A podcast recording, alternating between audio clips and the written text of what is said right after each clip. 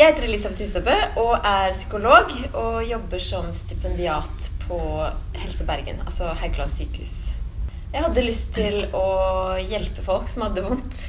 Og syntes det var utrolig spennende med sånn, liksom, hvordan tanker og følelser og kroppen henger sammen.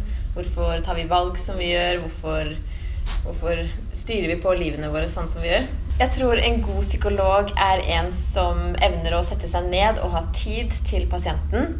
Eh, og som evner å lese seg opp og undersøke hva som er eh, det beste behandlingen vi har til stede nå. Så må man også tåle at eh, det kan være hardt å stå i.